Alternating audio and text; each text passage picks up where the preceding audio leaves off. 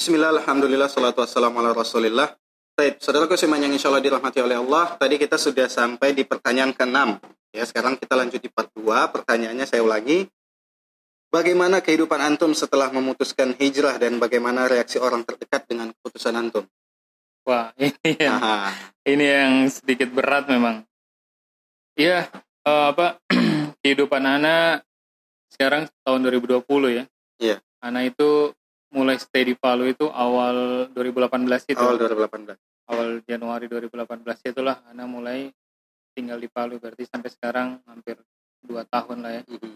hampir dua tahunan Eh, pasti apa ya kalau dari segi materi pasti Sangat jauh beda. jauh beda sekali. Jauh beda. mungkin tidak sampai 10% ya mungkin. Iya.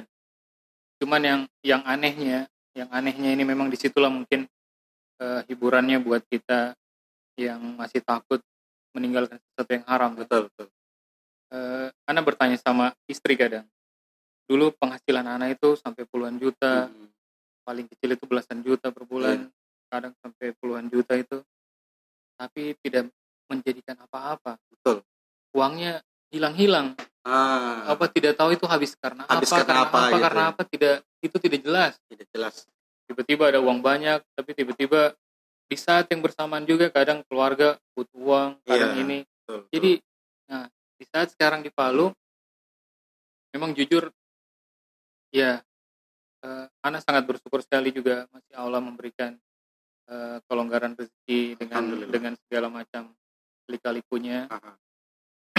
Eh, walaupun mungkin bisa dikatakan hidup pas-pasan dan, tapi kami kenyang-kenyang juga. Alhamdulillah. Alhamdulillah. Alhamdulillah, Anda tanya sama istri, kita dulu waktu ada uang makannya berapa piring? Sama Iya, juga iya, iya, sama-sama sama. orang mau sekaya apa pun Aki mau duitnya miliaran per Iya. hari dia cuma makan berapa piring Paling tiga juga- kali sehari. iya Ah, paling juga tiga kali dia Ah, ah. dia tidur di ranjang seberapa lebar kan Iya, iya, iya. mau rumahnya berapa hektar ya Ah, ah. ya itu alhamdulillah juga untuk anak juga untuk anak sekolah untuk apa ada ada saja Iya, iya. Ya karena Allah sudah berjanji Allah yang menjamin Ah, rezeki betul. Itu yang itu yang sangat Itu yang- jadi motivasi Anda selalu kalau berpikir kalau Anda ndak gini kira-kira Iya. bisa ndak ya? nah itu kan Nah, itu selalu ah ndak Allah punya konsep rezeki iya kayak gitu. Pasti kita dapat kayak gitu. Yang penting tinggalin aja dulu. iya cuman kan memang ya kita ini kan eh, apa apalah kita ini dibandingkan para ulama para Iya, salaf betul, yang betul. mungkin tingkat keimanannya sangat Iya, jauh di atas sangat kita jauh di atas kita.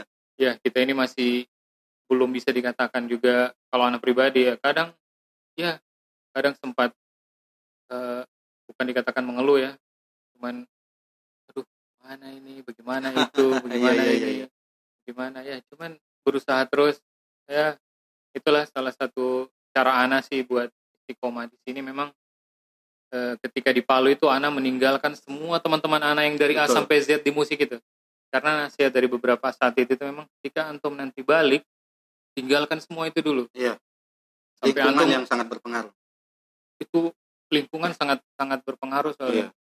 dan memang di saat-saat itu Ana tidak punya teman di Palu sama sekali Ah, karena harus meninggalkan mereka jadinya tidak punya teman sama sekali. malahan teman-teman yang lama itu yang membuli Ana Iya, soal tadi. iya soal Ah. musik ini ih antum ini kaku sekali agama Iya, Sa- betul, seakan-akan agama Ana ini baru Ah, ah, betul betul. Seakan- Padahal ah, ah. Nah, sampai-sampai juga di keluarga Ana itu yang kata-kata paling menyakitkan ini aliran sesat apa yang kau Iya, ikut betul betul betul. aliran sesat apa yang kau ikut nah Ah, itu yang uh, memang itu dilema ini ini sekali sampai ujian berada di atas manhaj salaf itu. iya cuman Ana bilang wih ini harus bagaimana ya antum ketika melakukan sesuatu yang antum yakini terus dianggap buruk di mata keluarga, ya. Keluarga. kalau di mata orang lain Ana ndak begitu ini Iya. ya ndak begitu pusing tapi kalau di mata keluarga di mata keluarga dekat Iya. sampai dianggap oh agama apa ini Iya iya iya betul betul. aliran sesat mana yang kau Ah. ikut Terlihat seperti agama baru, iya sangat asing ya. Padahal memang itu yang dikatakan sangat dikhawatirkan Iya. kalau sunnah ini mulai ditinggalkan, pasti justru orang orang, merasa asing dengan sunnah ini. Loh Iya. ini ajaran dari mana? Padahal dari justru mana itu ini? yang sebenarnya kita pegang dari dulu ya, Iya. seperti itu.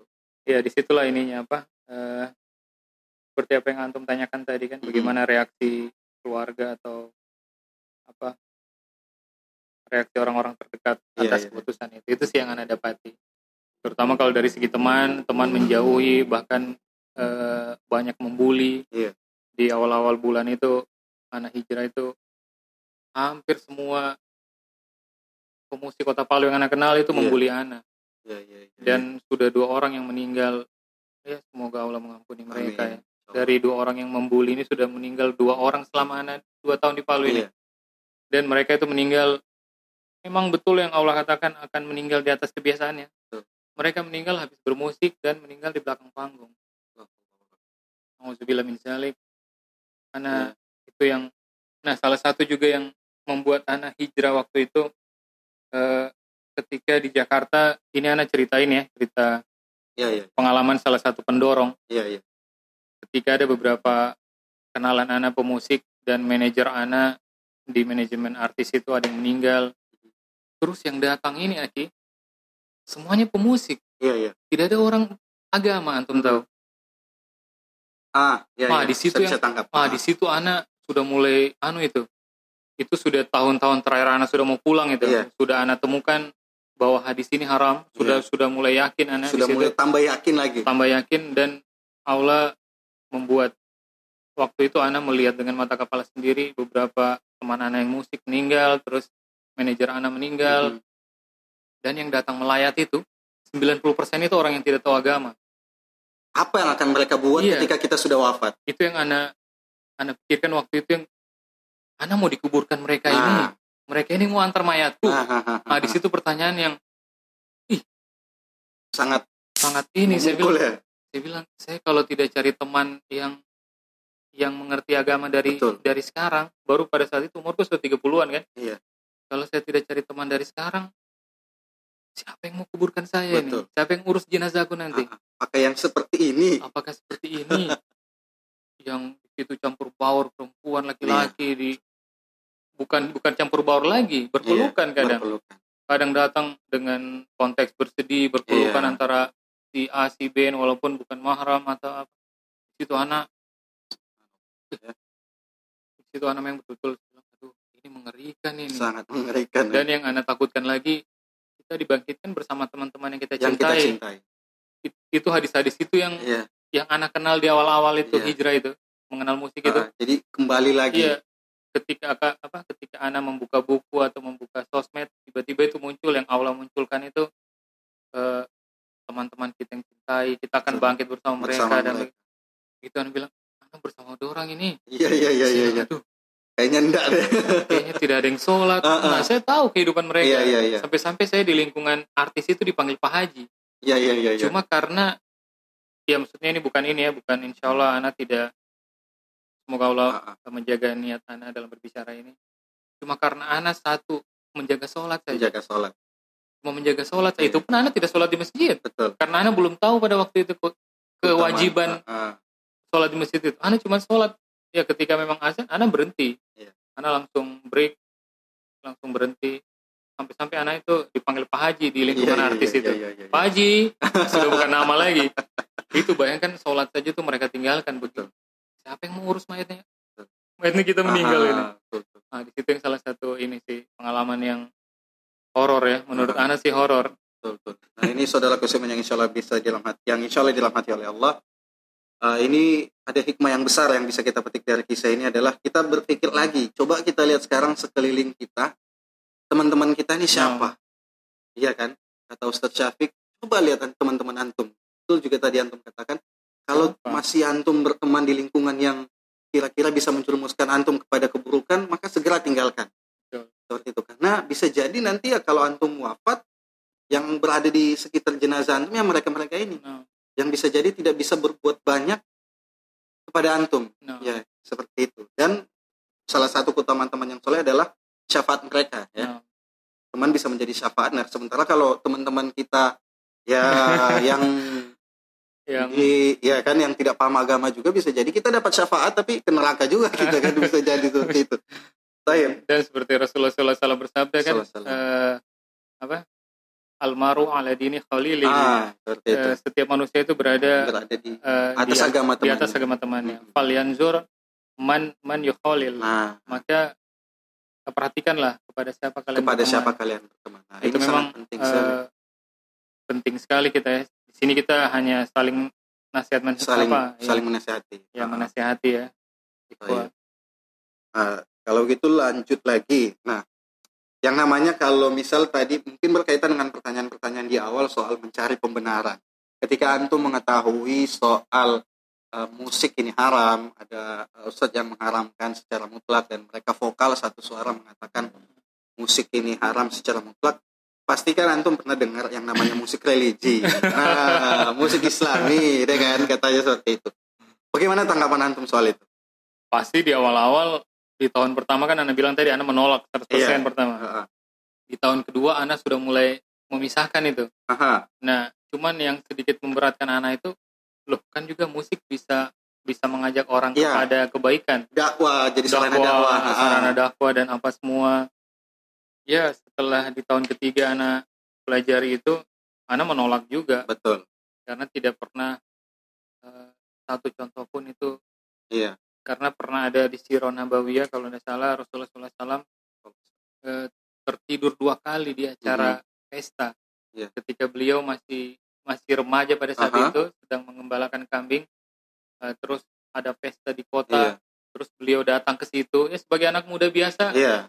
Beliau apa Sallallahu Alaihi Wasallam pasti eh, seperti anak muda pada umumnya Aha. juga. Cuman memang Allah sangat sangat menjaga, menjaga. manusia yang sangat mulia ini. Eh, ketika sampai di pesta itu beliau tertidur. Ngantuk dan tertidur. Sampai besoknya.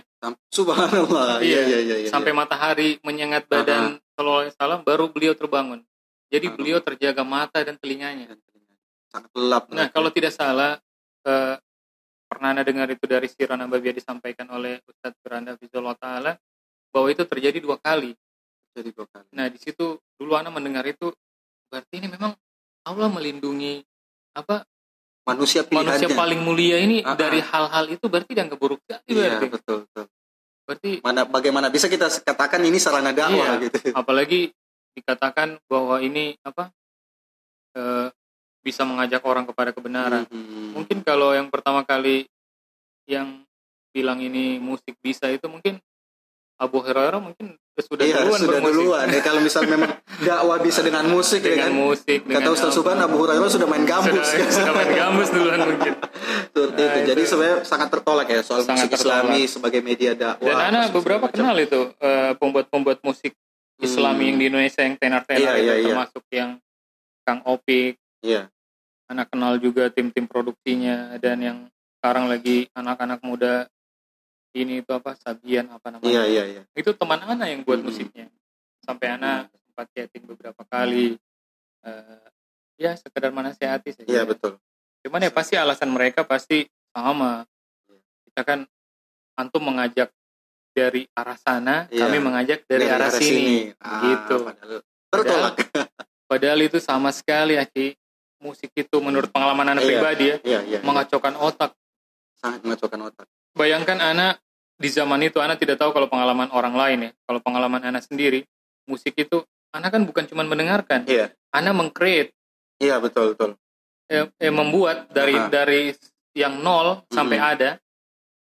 Dan ketika membuat itu antum kan menghayal. Iya betul. Menghayal itu membangun alam bawah sadar Iya, iya, iya. membayangkan imajinasi. Nah waktu sholat itu masuk aki waduh sangat merusak ya itu merusak sekali memang Allahu Akbar dusta itu masuk kaki dan Iya. itu di telinga anak itu sangat jelas ya anak tidak tahu kalau pengalaman yang Iya, lain iya, mungkin iya, iya, iya. Uki atau siapa yang lain mungkin pengalamannya berbeda tapi kalau di anak pribadi itu Mhm. sampai eh, tiga kul ini Aki dan Iya. itu susah sekali untuk menghafal Al-Quran dan hadis Betul, itu betul, pasti betul. susah Aki kalau kita dekat sama musik pasti kita jauh Pasti sama jauh dari Quran. Al-Quran Betul. Itu bayangkan yang ketiga kul saja anak ter, tertukar-tukar ya. Ih lah Allah bila di, di, di saat itu iya, ya iya, iya, iya. itu apa kalau mereka bilang ini musik baik dan Mhm. menyenangkan menurut Ana sih sangat bohong mereka ya Iya. karena contoh kecilnya itu kerjaan kami itu sepanjang tahun jalan-jalan dan joget-joget dan nyanyi-nyanyi dan dapat duit dan dan dan dapat duit tapi kenapa ketika break Aha. Break liburan mereka liburan lagi. Iya betul betul. Berarti kan ini Ah, betul, sesuatu betul, yang sesuatu yang semu berarti. Betul betul betul. Situ lah. Ah, baik, baik. Nah sekarang kita ke pertanyaan ke-8. Ya, berkaitan dengan manhaj. Setelah memutuskan untuk hijrah, apakah antum sudah mengenal manhaj salaf atau belum? Karena ada orang yang um, mereka totally sudah hijrah nih, kayak seperti yang uh, saudara kita yang sekarang lagi sedang terkenal terkenalnya, Akhi Deriansyah, antum tahu? Mantan pemusik juga dari Viera, oh iya Deriansyah. Ah. Nah, beliau kan katanya memang uh, setelah uh, dari Viera berhenti dari Viera, beliau sudah hijrah tapi tidak langsung kenal manhaj salaf ternyata. Nah, apakah antum punya pengalaman yang sama juga? Ya alhamdulillah tabarakallah ana dikenalkan dengan beberapa eh, kenalan teman waktu itu di Bandung terutama ya Mhm. Eh, terutama kayak Reza Noah terus eh, temannya Uki juga Iya. Reza Noah terus Dery Sulaiman siapa semua itu dan dan dan mereka itu mengatakan mereka hijrah Ya betul. Nah kan mereka hijrah nih Nah. kelihatannya. secara bahasa mereka mereka mengatakan Iya. mereka mereka hijrah Heeh. nah di situ dulu anak belum meninggalkan musik ini Iya. tapi di situ sudah bergejolak kok hijrahnya masih begini ya Iya. masih ngeband dalam bayangan anak yang awam waktu itu kayaknya para nabi dan para sahabat tidak ada yang ngeband begini Betul, betul, betul, betul, itu betul. pandangan awam Ah, anak waktu ah, itu ah. ya. kayaknya bukan hijrah yang ini deh Iya, iya, iya. karena mereka juga beberapa kali mengajak ke kelompok mereka kan Iya, iya. untuk ke sana kemari berdakwah dan apa semua cuman memang logika anak berkata pada saat itu apa yang anak harus sampaikan Betul. kalau anak tidak berilmu Betul. Ah, apa logika anak berkata itu waktu itu ah. apa yang antum harus bisa sampaikan kalau antum tidak tahu apa-apa Aha. jadi alhamdulillah ketika hijrah memang alhamdulillah tabarakallah itu Allah ya semoga ini apa hadiah anam anam anam merasa hijrah ini adalah salah satu hadiah terbesar Hadiah dari terbesar. Allah buat buat anak bukan apa buat anak yang doif dan lemah ini Iya. Karena begitu anak hijrah anak mengenalnya manhaj salaf Langsung mengenal manhaj salaf. apa tanpa ada sana kemari dulu Iya, sana iya, kemari iya. dulu walaupun memang di awal-awal pasti anak belum tahu paham Betul, dengan betul. sebenar-benarnya cuma yang anak pahami eh, ketika beramal atau apa pun itu ya semuanya berdasarkan Mhm. harus ada dalilnya gitu Nah, sih kalau anak Alhamdulillah. Berarti kurang lebih kita sama ya. Anak juga Masya waktu Allah, itu eh, seperti yang anak katakan tadi di awal adalah eh, satu kelompok suka traveling ya. waktu anak kecil itu datang ke rumah, datang ke rumah, gedor-gedor pintu bukan ngetok lagi, bukan batoki lagi, digedor-gedor. Assalamualaikum. Terus pas anak buka pertanyaan langsung Islam. Waduh, anak bilang ya anak Islam.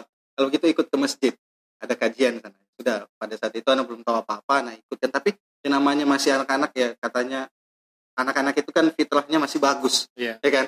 Nah pikir apa ini ajak-ajak kayak begini kan modelnya kayak begini. Nah dari situ anak pikir ah kayaknya ini enggak bagus, enggak benar deh. Alhamdulillah pada saat besar eh, kenal dakwah salaf ya anak enggak banyak pilihan lagi. Sudah di sini saja anak eh, berpijak seperti itu. Baik.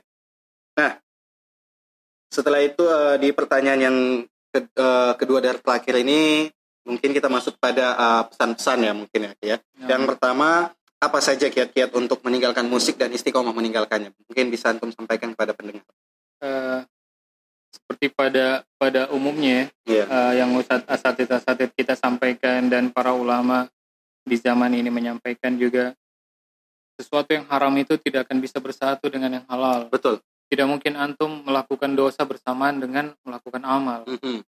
Nah, kiat-kiat yang pertama yang anda dapat dari para asatid itu ya menggantikan alunan musik itu dengan murotal. Betul. Itu kiat anak pertama satu tahun pertama itu. Mhm. Anak betul-betul semampu dan sekuat tenaga anak. Kalau yang anak sengaja putar musik tidak, Iya, iya. tapi kalau anak dengar secara ini ketika di mobilnya keluarga, Iya, iya, iya, iya. mau- apa mereka putar tapi anak tidak punya kekuatan untuk itu, ya anak cukup beristighfar sih. Iya. Ya salah satu kiat-kiatnya sih eh, mengganti apa musiknya dengan murotal. Dengan murotal. murotal yang Betul, antum anggap indah lah. betul. Mhm. Syekh Syekh siapa yang indah yang menurut Iya. antum murotalnya enak dan mengganti teman sih utamanya Iya, betul, paling betul. utama menurut anak sih pengalaman pertama yang anak tahu itu mengganti teman. Iya. Karena sekuat apa pun antum kalau temannya juga menarik antum terus ke jurang antum masuk juga. Iya, iya, betul, betul. Kayak antum eh, visualnya antum berdiri di pinggir jurang cuma sendiri tapi Aha. yang tarik antum ini 10 orang Iya, antum jatuh pasti akan jatuh gitu. Logikanya anak begitu sih. Ya kiat-kiatnya sih itu eh, mengganti murotal dan mengganti pertemanan. Soal eh, mengganti dengan murotal tadi juga saya eh, pernah dapat jawaban langsung dari Ustadz Syafiq di aplikasi Halo Ustadz. Oh waktu itu Ana teleponan sama beliau kan Ustadz. Ana tanya Ustadz ini gimana nih? Ana sudah tahu musik ini Hmm. halal tapi biasanya ya di motor spontan gitu kan iya nyanyi tuh Iya. sambil nyanyi dan lain sebagainya biasa juga eh, masih dengar-dengar musik Ustadz ini gimana kiat-kiatnya untuk meninggalkan kata Ustadz ya itu ganti dengan murotal dan lain sebagainya biasakan kita untuk eh, menambah hafalan Quran supaya di Hmm. motor tuh Kita kita, yang kita terpikir untuk menambah Iya. hafalan seperti Iya. itu memperkuat hafalan seperti itu di Ah, motor. ah. dan Ana juga langsung berpikir oh berarti dari sini kita juga bisa ambil pelajaran bahwasanya yang mengatakan musik Islami ini bisa terbantahkan Iya. dengan satu hadis yang tadi kita sudah bacakan di awal Hmm. kalau Rasul sudah mengatakan uh, Rasul mengatakan uh, musik ini haram bersama zina dan khomar dan Oh. sutra bagi laki-laki. Anda berpikir, loh kalau misal musik ini Islami halal, berarti alkohol kalau kita minum baca Bismillah jadi halal kan tidak mungkin kan? Jadi Anda berpikir seperti oh, jadi betul-betul itu juga yang cukup meyakinkan Anda kalau musik ini uh, haram dan mulai dari uh, dari nasihat Ustaz Syafiq itu, alhamdulillah Anda coba berusaha untuk uh, mengganti kalau ada niat untuk memutar musik Iya. karena coba ke murotal seperti itu sampai anak uh, beli radio yang ada murotalnya dan kajian-kajian Ustadz Sunnah seperti itu. Dan mungkin anak tambah lagi satu sih eh, isi waktu dengan belajar. Iya betul. Eh, mungkin anak sudah berumur sekarang ini sih hampir empat empat empat puluh ya. Ah. Tapi ketika anak melihat antum-antum teman-teman anak di komunitas eh, Iwa-Iwa Sunnah ini, Iya. Iwa yang mengenal Sunnah ya, Mhm. masih umur 20-an itu anak ada sedikit kecemburuan sekali. Iya, Masya betul. Allah kalian telah mengenal dakwah Ah. salaf ini di umur 20-an ya, Masya Allah. Jadi anak eh, beru, apa, berusaha sekuat tenaga sih untuk mengisi waktu dengan belajar saja. Iya. Karena dengan belajar itu kita akan lebih tahu nanti.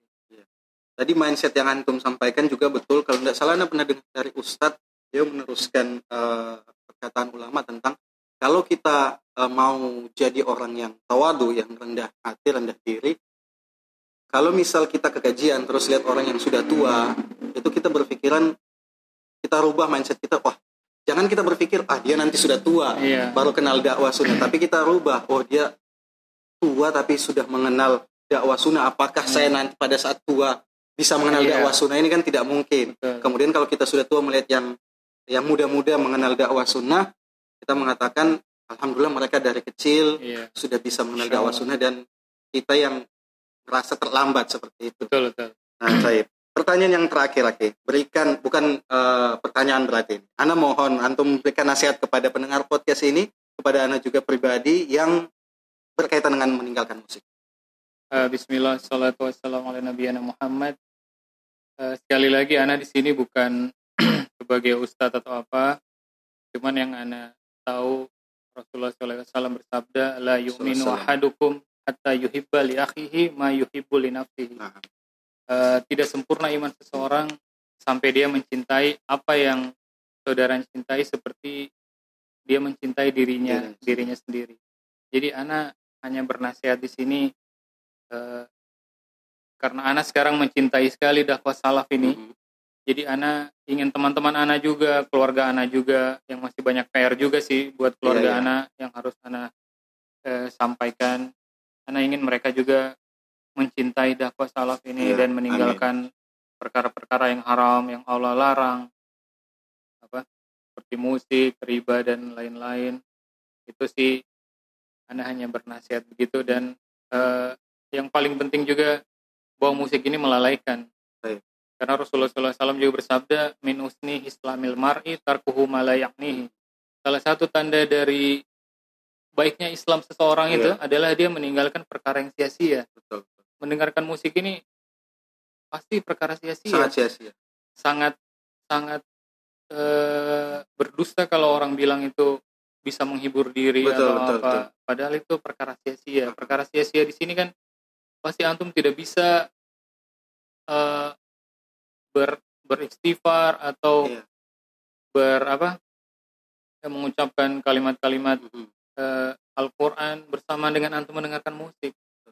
Ana sudah belasan tahun di situ, tidak Iya. bisa. Tidak bisa. Sudah terbukti nih ya. Iya, jadi Ana menganggap memang mendengarkan musik itu salah salah satu apa dosa besar dan dan sangat melalaikan.